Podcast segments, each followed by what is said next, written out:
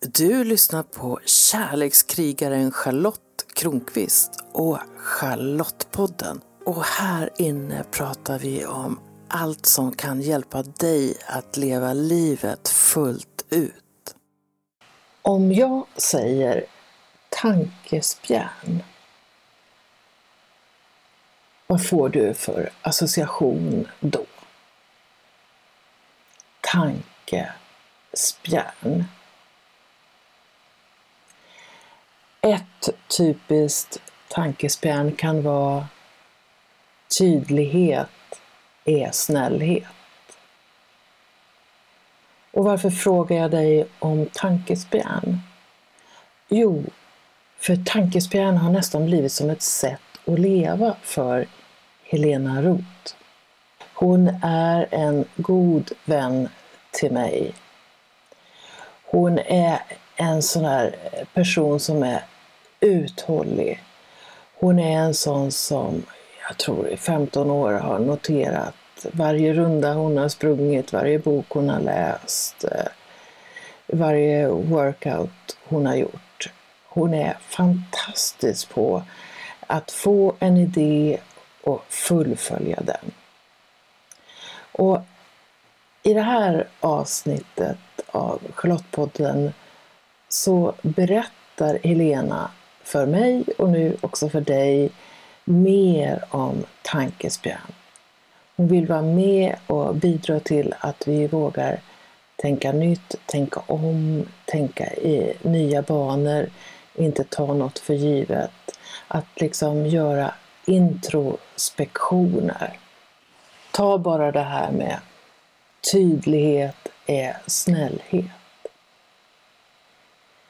Det finns ibland en oskriven regel bland vänner att man inte ska kritisera varandra, att man ska stryka medhårs.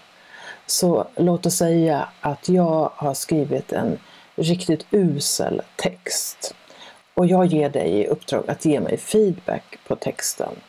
Då skulle ju du kunna säga om Charlotte, den var helt okej. Okay fast du inte tycker den är bra. Och så kanske jag publicerar den här texten för jag känner mig påhejad utav dig. Och så kommer texten ut och så, så får jag lite pisk för det, för att det är en dålig text. Det är ett exempel på att den som ger feedback är otydlig och att det i slutändan visar sig inte vara så snällt. Så det där med att vrida och vända på saker, det är någonting som Helena håller på med mycket. Under den här väldigt speciella våren som vi har levt och nu sommaren så har Helena gått vidare med tankespänn och hon har skapat en Patreon-community där människor som vill tankespänna tillsammans får göra det. Och en av många häftiga saker med Helena är att hon är en jäkel på svenska och en jäkel på engelska. Så hon bloggar både på svenska och engelska, hon är med i olika aktiviteter på de båda språken. Och den här communityn den är också på engelska. Och hon har valt att även i engelskspråkiga sammanhang kalla det hon gör för just tankespjäll. Lite som frozen yoghurt eller gravid lax eller så. Så kanske kommer tankespjärn in i det engelska språket för fler nu. Jag har känt Helena i ganska många år nu. Jag tror att det är sju, åtta år vid det här laget. Och det började med att vi var med i ett mastermind-projekt. Och jag hade lite svårt att förstå mig på Helena och vad hon sa för att hon var så otroligt smart och så intellektuellt högtstående att jag inte alltid hängde med i hennes resonemang. Och under de här åren som har gått så har Helena förvandlats från någon som typ bara tänker väldigt mycket till att också ha med kroppen och själen och anden i sitt arbete. Och jag vet att hennes intention just det här året 2020 är att ta hand om kroppen. Och bland det häftiga för mig är att se att det här sker samtidigt med en slags öppning. Att för mig är det väldigt mycket lättare att förstå Helena nu när hon är mer grundad än tidigare, när hon släpper in oss i sitt liv. Så välkommen att lyssna på ett samtal med förändringsagenten Helena Roth. När det här spelas in så befinner vi oss fortfarande i social distanseringstider. Det betyder att min gäst Helena Roth, som är förändringsagent och som skapar något som heter Tankespjärn, sitter framför mig på skärmen. Vi befinner oss sådär 60 mil ifrån varandra, men det funkar. Välkommen Helena! Tack Charlotte! Så kul att få vara här med dig. Det känns ju som att vi är här. Vi känner ju varandra så pass väl så att mm. Den fysiska närheten behövs inte riktigt. Nej, så är det. Vi har en, en djup relation på många vis. Jag känner dig väl och du känner mig väldigt väl. Mm. Och jag fick en impuls till att göra ett poddavsnitt med dig eh, kring tankespjärn som jag tror själva ordet att du har i princip hittat på det. I alla fall vill du skapa någonting eh, utifrån det. Skulle du kunna börja med födseln? Jag kan börja med födseln av tankespjärn som faktiskt inte är ett ord som jag har hittat på. Utan det var ett ord som trillade förbi mig på Twitter någon gång 2013 skulle jag tro. När jag hängde väldigt, väldigt mycket på Twitter eh, i skolsammanhang, det som kallas för skoltwitter. Och då var det en kvinna som skrev om en annan bekant och sa att hon var så bra på att ge tankespjärn. Och jag blev helt exalterad och tänkte shit vilket bra ord!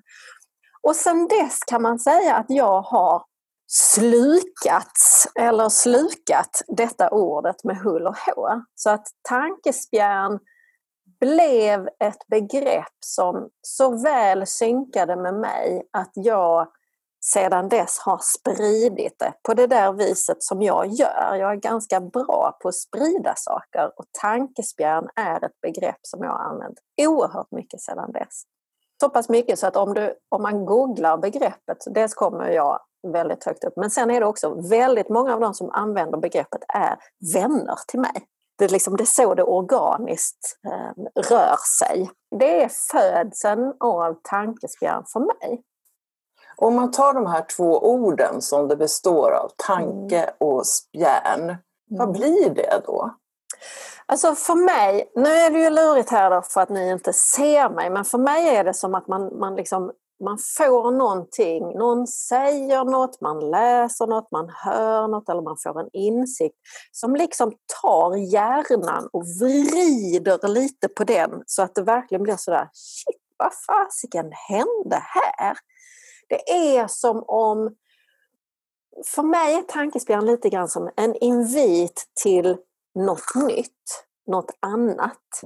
Eh, det är som att det helt plötsligt så uppstår det en dörr framför mig och jag kan välja att kliva igenom den. Jag kan också välja att se den och säga nej, pallar inte just nu och så vänder jag och går.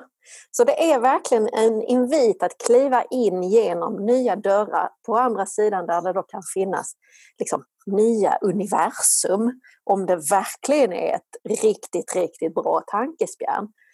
Och annars kanske det bara är ett lite skiftande perspektiv. Att det är någonting som gör att jag får en, en Ja, jag, jag, får ett annat perspektiv. Jag får syn på saker jag inte har sett innan. Jag förstår saker jag inte har sett innan. Eller så blir jag bara förvirrad på en högre nivå. Det kan också vara resultatet. Men då inser jag igen, det blir det där skiftet mellan vad jag tror att någonting är eller har varit och insikten att det kanske finns något mer annat nytt här. Det är tankespjärn för mig. Har du något tankespjärn i huvudet som det skulle, alltså något som har fungerat som ett tankespjärn för dig? Alltså, ja. För mig är, jag kan säga när jag egentligen, för jag, jag har insett att tankespjärn är min, det är min livsfilosofi. Jag lever tankespjärn. Och även om ordet kom till mig först 2013 så har jag faktiskt levt det sedan augusti-september 1999. Ja, det är ett tag sedan nu. Då var det så att då var jag höggravid med mitt första barn. Och min dåvarande man ringde mig och gjorde slut. Det i sig kanske man kan säga är ett tankespjärn, men det är inte det som jag identifierat som tankespjärnet i detta, utan det som hände då var att jag tog det här tillfället i akt, ja, det hände ju väldigt mycket, men jag tog tillfället i akt att ställa mig själv en fråga som är för mig den där skiftet mellan liksom, före och efter Helena på någon vänster. Jag kan se att, att det hände oerhört mycket för att jag både vågade ställa frågan och vågade besvara den. Och den frågan för mig var, tycker jag om den jag är? Ah. Och svaret var, nej, jag är så trött på mig själv. För jag har nämligen varit den mest negativa person jag någonsin har känt. Och det, jag vågade ställa frågan och jag vågade besvara den för mig själv. Och det är på något vänster, för mig var det den där ursprungstankespjärnet på något vänster och sen dess så har mitt liv, min upplevelse av att vara mig har skiftat enormt. För jag är långt ifrån den mest negativa person jag känner längre. Det kan jag lugnt säga. Även om jag kanske inte är den mest positiva. Men jag börjar, jag börjar dra mig åt det hållet kan jag säga. Eh, när du talar om just den episoden eller det ögonblicket mm. så hör jag också att du får en insikt. Mm.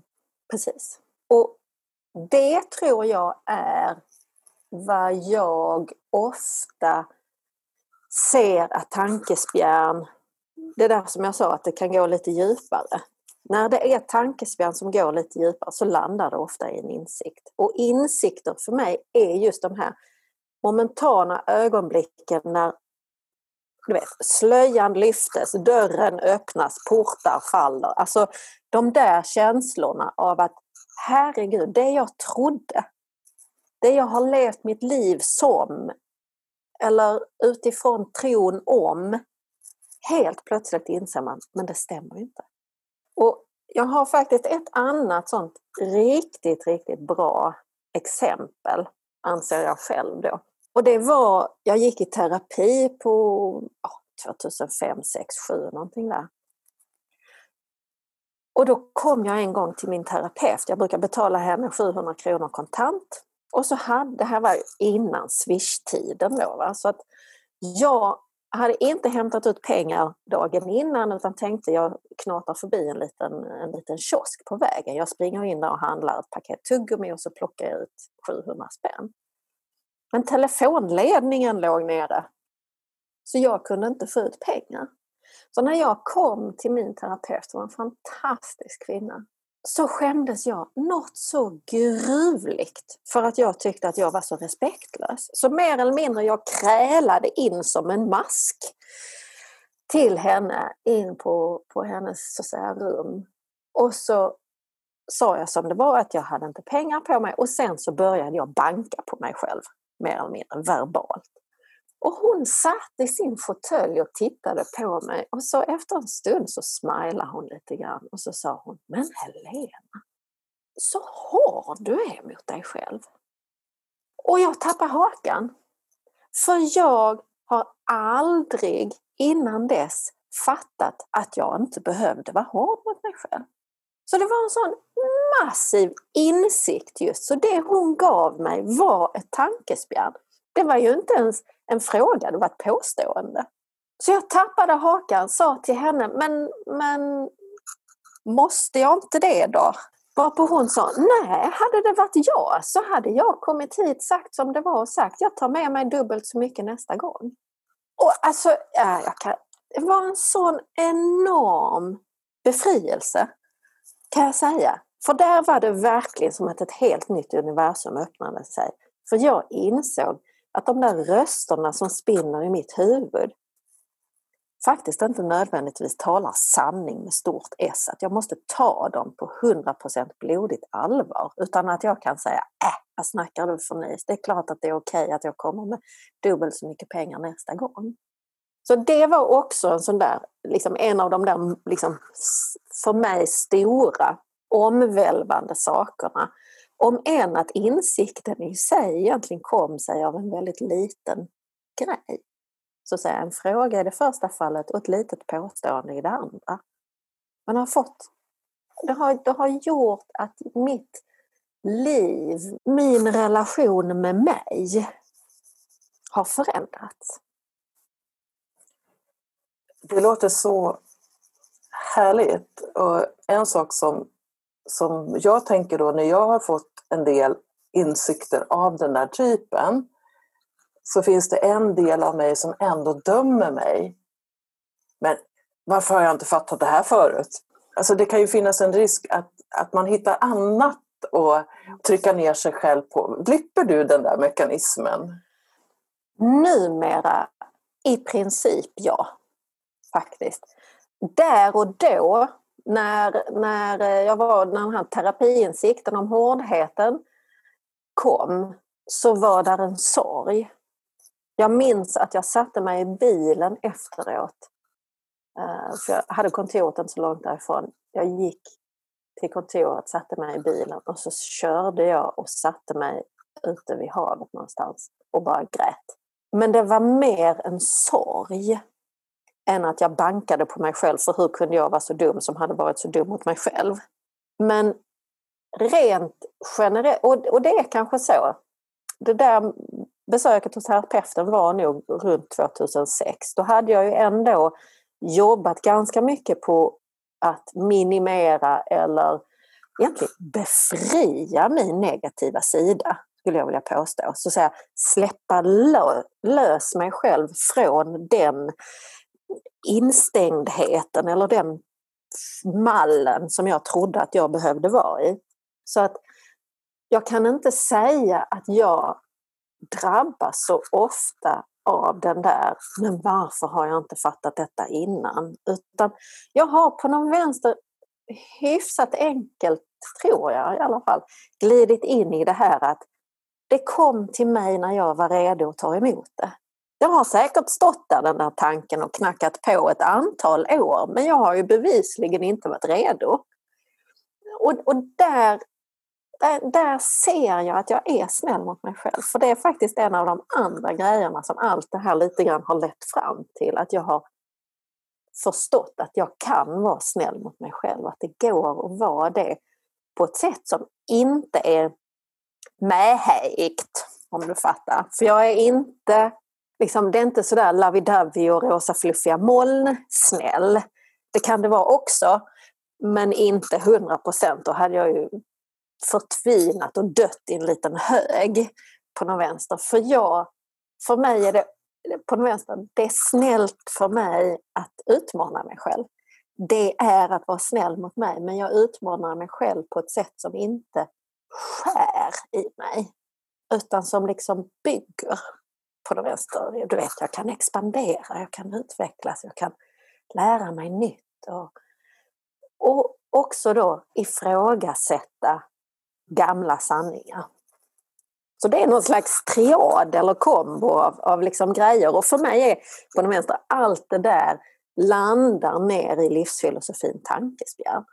Jag kommer att tänka på när du eh, berättar berättade här att du har ett uttryck som du, du använder ju mycket engelska mm. eh, och då har du ett uttryck som är being gentle with an edge. Mm. Och det var det jag tyckte jag hörde nu. Precis, precis. Och det, det, jag, har, jag startade en engelsk blogg 2016. Och när jag gjorde den så hade jag som idé att jag skulle skriva en, en serie blogginlägg på temat Doing Gentle. Hur gör jag det? Och då gjorde jag det. Jag skrev en gång i veckan så hade jag Doing Gentle avsnitt på bloggen och sen så en gång i månaden så gjorde jag någon slags reflektion kring det här. Så det blev ju 50-52 inlägg och sen så några år senare så fick jag för mig att de där skulle jag kunna göra till en podd.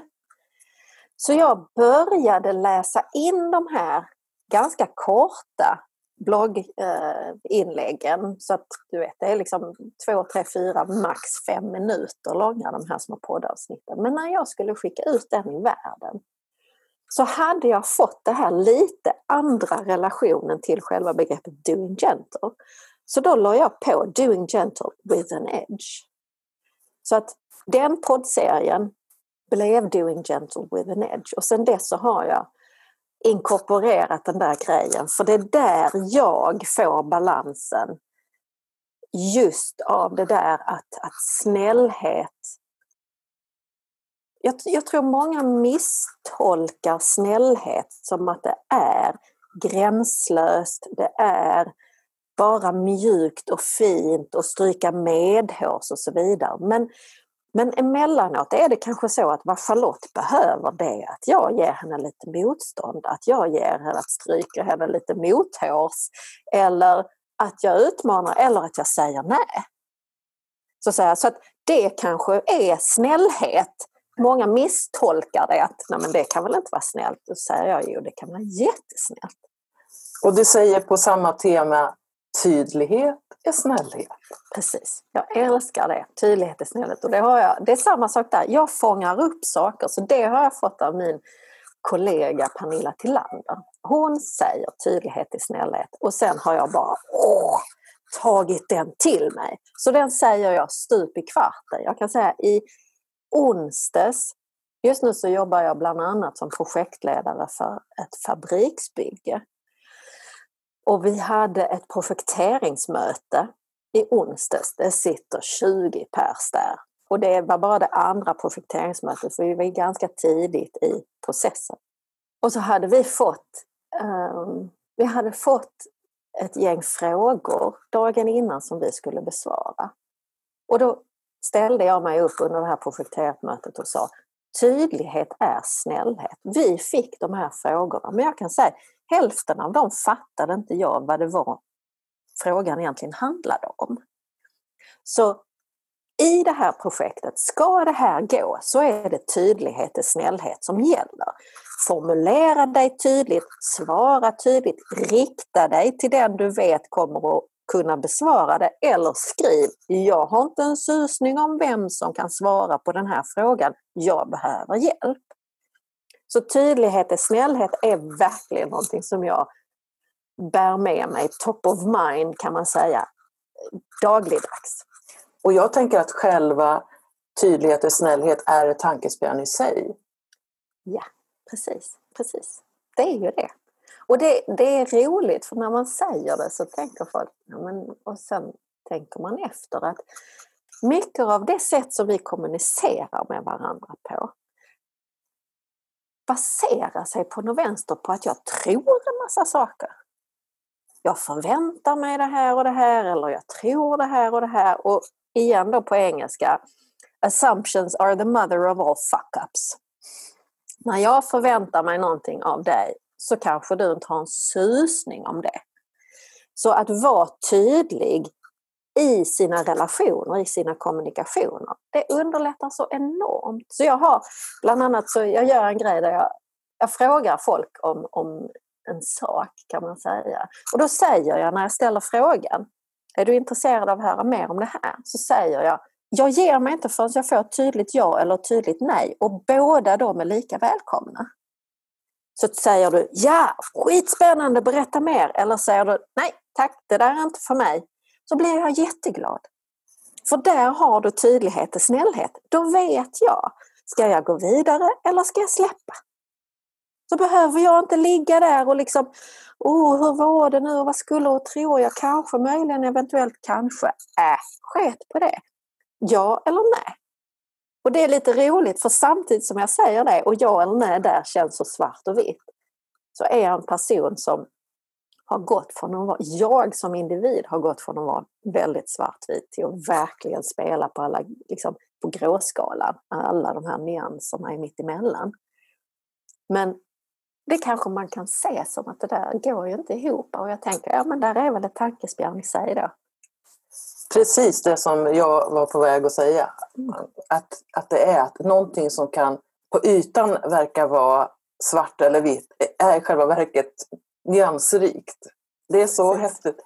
En, en, reflektion jag gör när du berättar det är att jag har jobbat mycket med mig själv och har fått klart för mig hur mycket vi är präglade av vår uppväxt och vilka normer och värderingar och så som finns i familjen och i samhället och i skolan. Och jag tänker att mycket av det som jag har gjort är att ta av mig min prägling lager för lager. Nu gör jag en gest där jag liksom lyfter något över kroppen och så släpper det. Och jag tänker att tankespjärn kan hjälpa en att göra det här men kanske både oväntat och mer medvetet på en och samma gång. För innan du vet att det du säger är en frukt av din prägling så kan du inte göra så mycket åt det. Mm. Säg att du lever i en kultur där det är oförskämt att säga nej. Och du har lärt dig att man ska slingra sig. Då är det ju skitsvårt att säga nej. Mm. Exempel. Så kan, man, kan det ligga någonting i att tankespjärn också kan hjälpa din inre värld att förändras på något sätt? Oh ja! Ja, det, där kan jag väl säga. Jag älskar att ge och få tankespjärn. Och jag älskar att omge mig med människor som, som både ger mig men också vill att ta emot tankespjärn. Och där är du en av dem. Och jag har blivit fantastiskt bra på, på att ge mig själv tankespjärn också. Och det är ju just precis den där. Jag har, um, jag har liksom min lilla observatör som tittar på mig.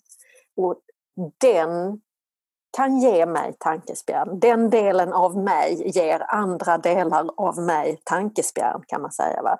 Just för att jag får syn på saker. Och så kan jag säga, ha, kolla! Hur gagnar det där? Var kommer det där ifrån? Liksom, handlar det verkligen om denna situationen? Eller är det någonting som kommer du vet, liksom från 30 år tillbaka eller 40? Så att tankespjärn för mig är verkligen, skulle jag vilja påstå, ett, ett, ett inre jobb. Om jag är en person som bara ger tankespjärn i, i tal eller skrift eller uttryck och inte tar in någonting så kommer det, alltså det blir, eh, det blir falskt. Eh, det funkar inte. Utan jag måste vara det.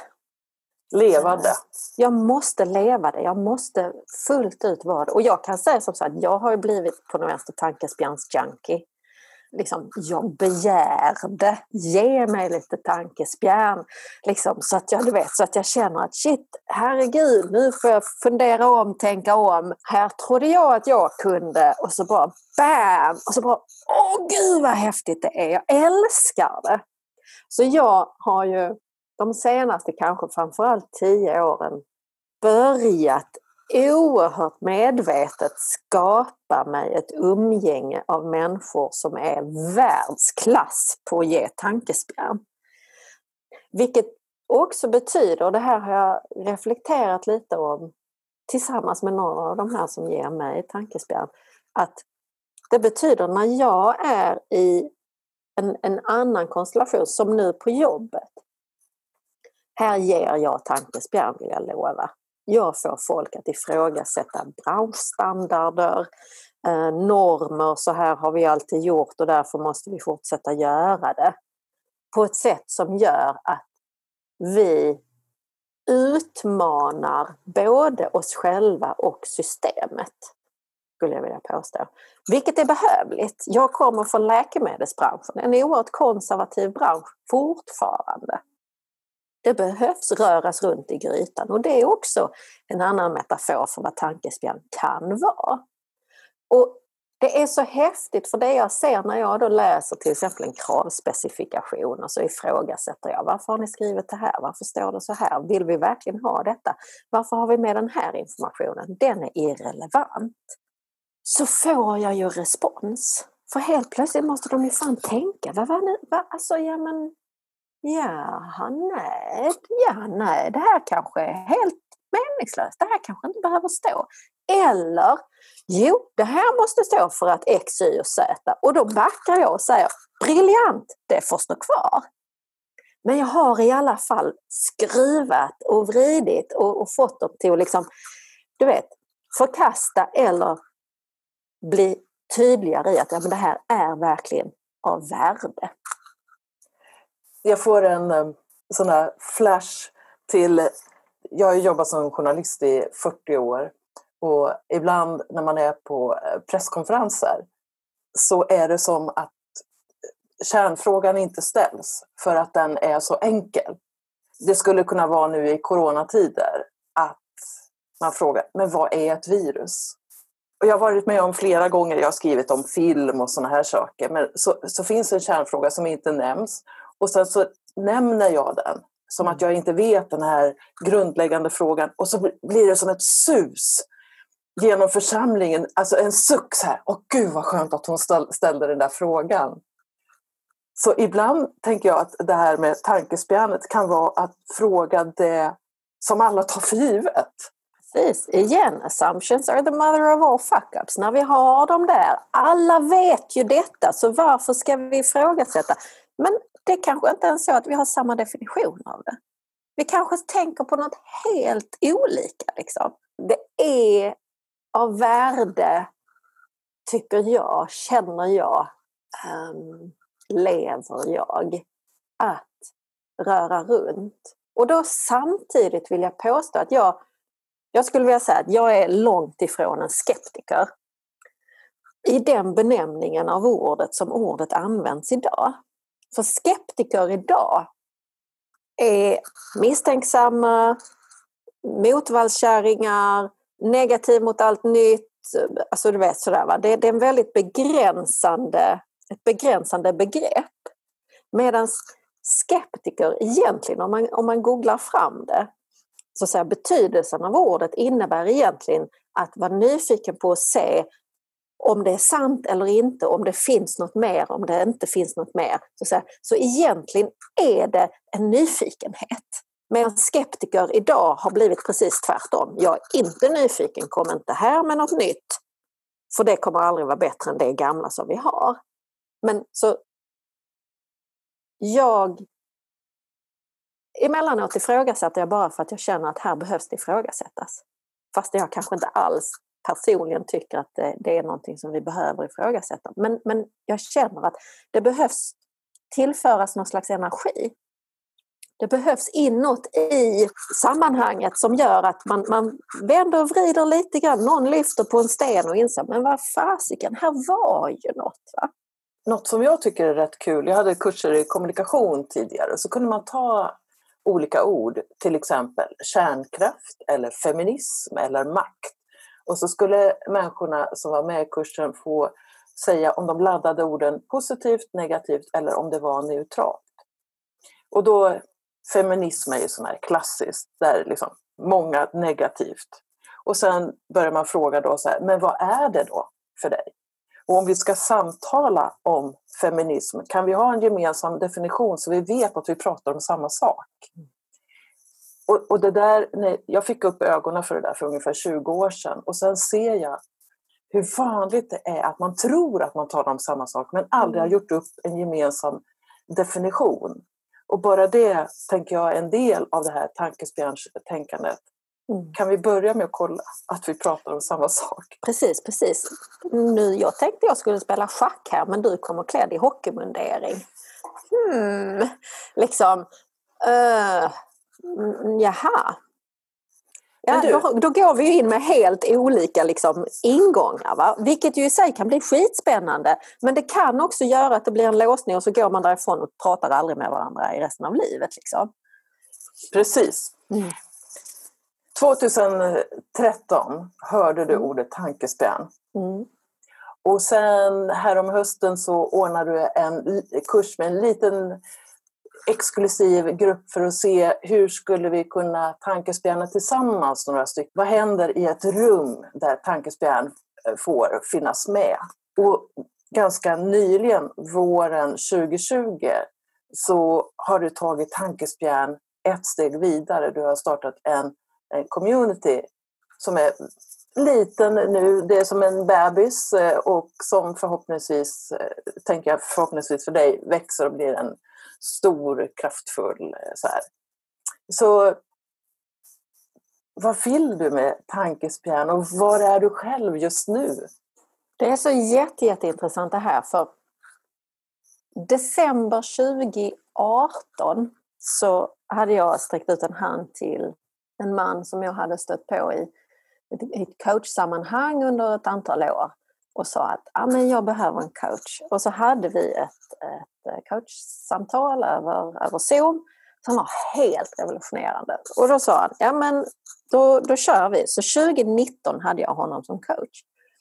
Och under ett samtal med honom i mars, kanske 2019, så, så började jag berätta tankespjärn för honom och förklara vad det var och hur jag ser på det och det här svenska ordet och vad betyder tanke och vad betyder spjärn. Och så frågade jag honom, hur ska jag översätta det här till engelska? Varpå han sa, men det ska du inte. Kör på tankespjärn. Och jag bara, ah, gud vad mycket enklare livet blev helt plötsligt. Men då sa han också, men Helena, du måste ju köra liksom 60 timmars tankespjärn. Eh, just som en retreat-grej. Så det var det jag gjorde där ett par månader senare. Vilket var fantastiskt häftigt. Och sen tänkte jag, ja men det är bra, det där ska jag fortsätta göra. Och sen kom på något vänster livet emellan och diverse jobb och det ena med det tredje. Så det blev inte mer än, säger jag, för who knows.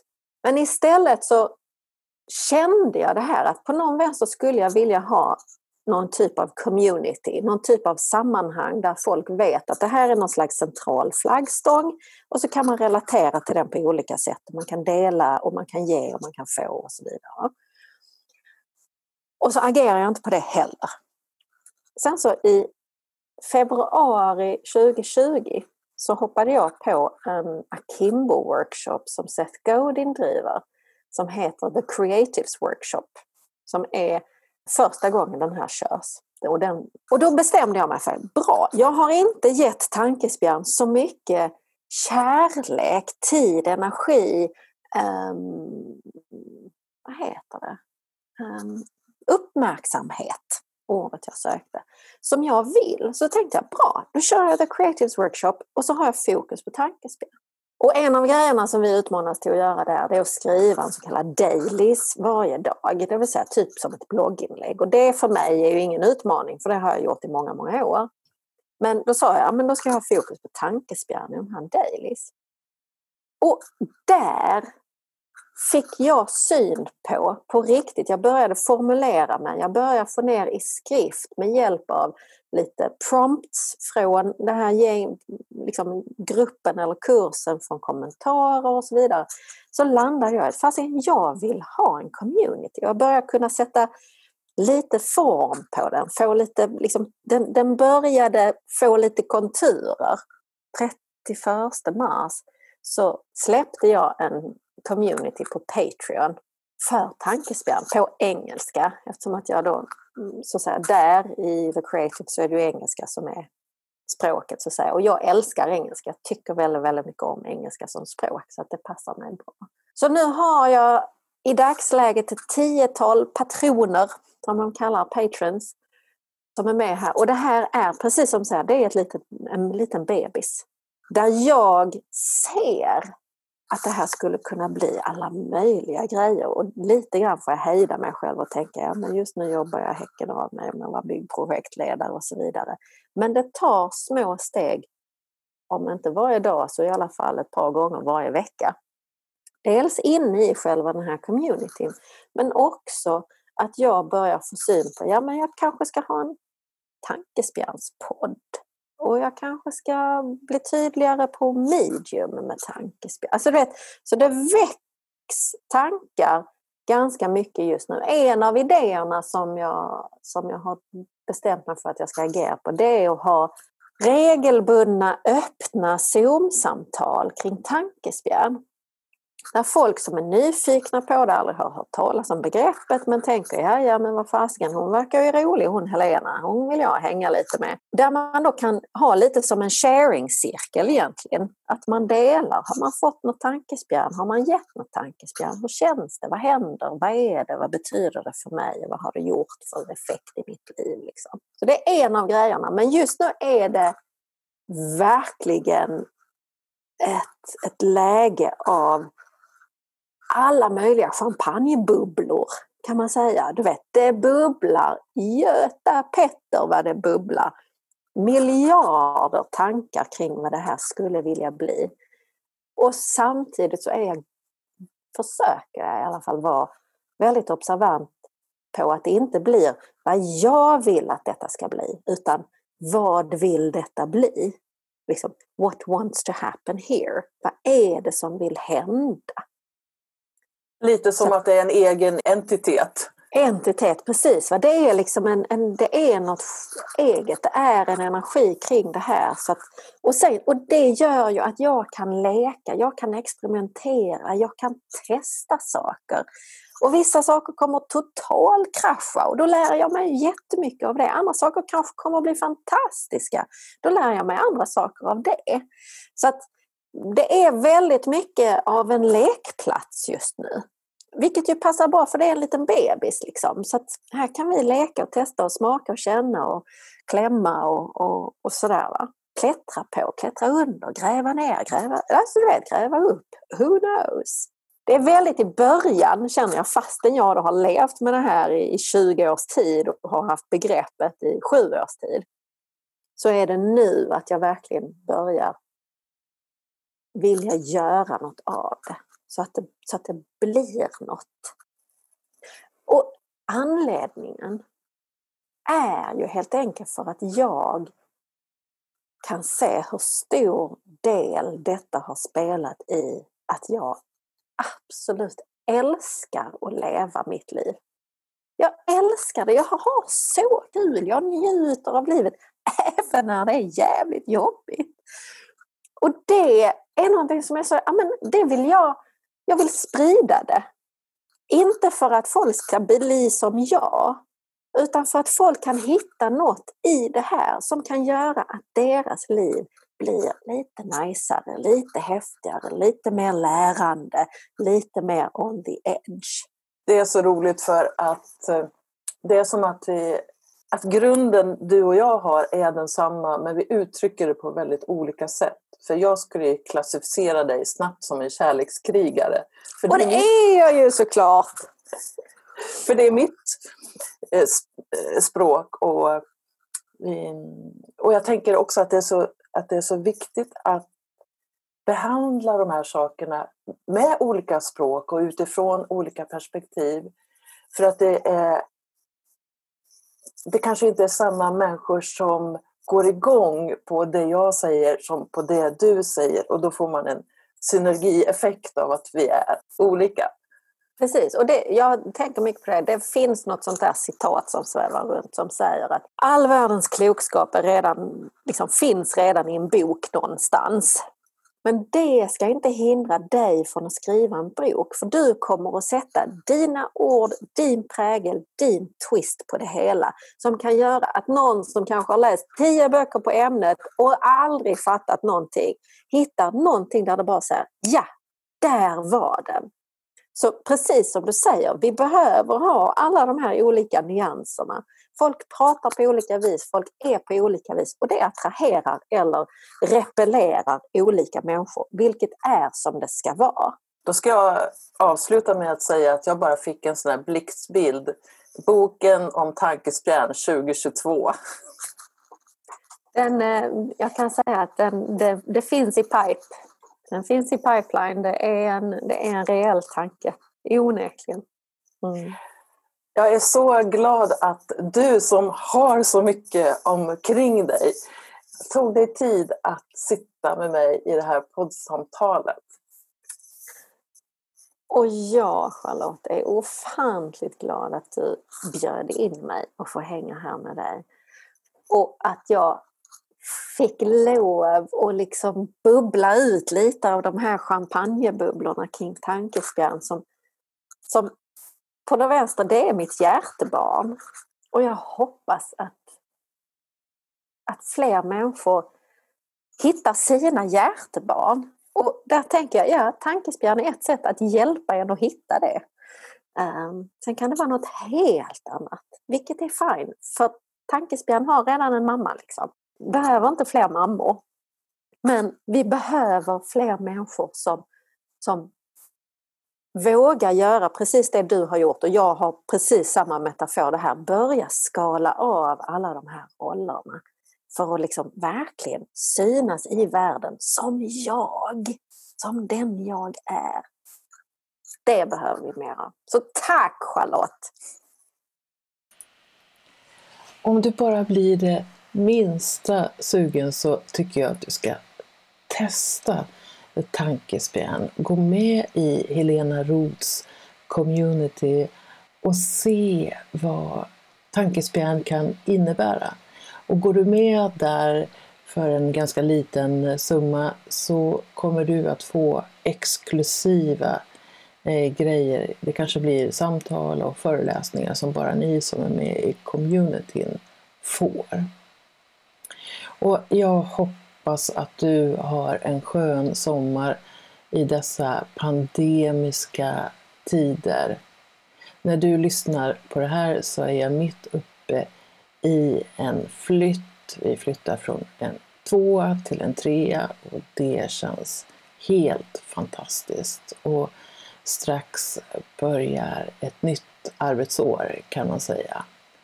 Och jag coachar dig gärna kring livet, sexualiteten och relationerna. Och du hittar all information du behöver på min hemsida charlottekronqvist.org. Och tack så mycket för att du lyssnar på Charlottepodden. Kom ihåg att prenumerera på Charlottepodden så att du är med när nya avsnitt kommer. För vem vet vad du kan få lära dig om livet i det avsnittet? Rekommendera gärna podden till en vän så är du med och sprider vetskap om att den här podden finns och berätta vad den ger just dig.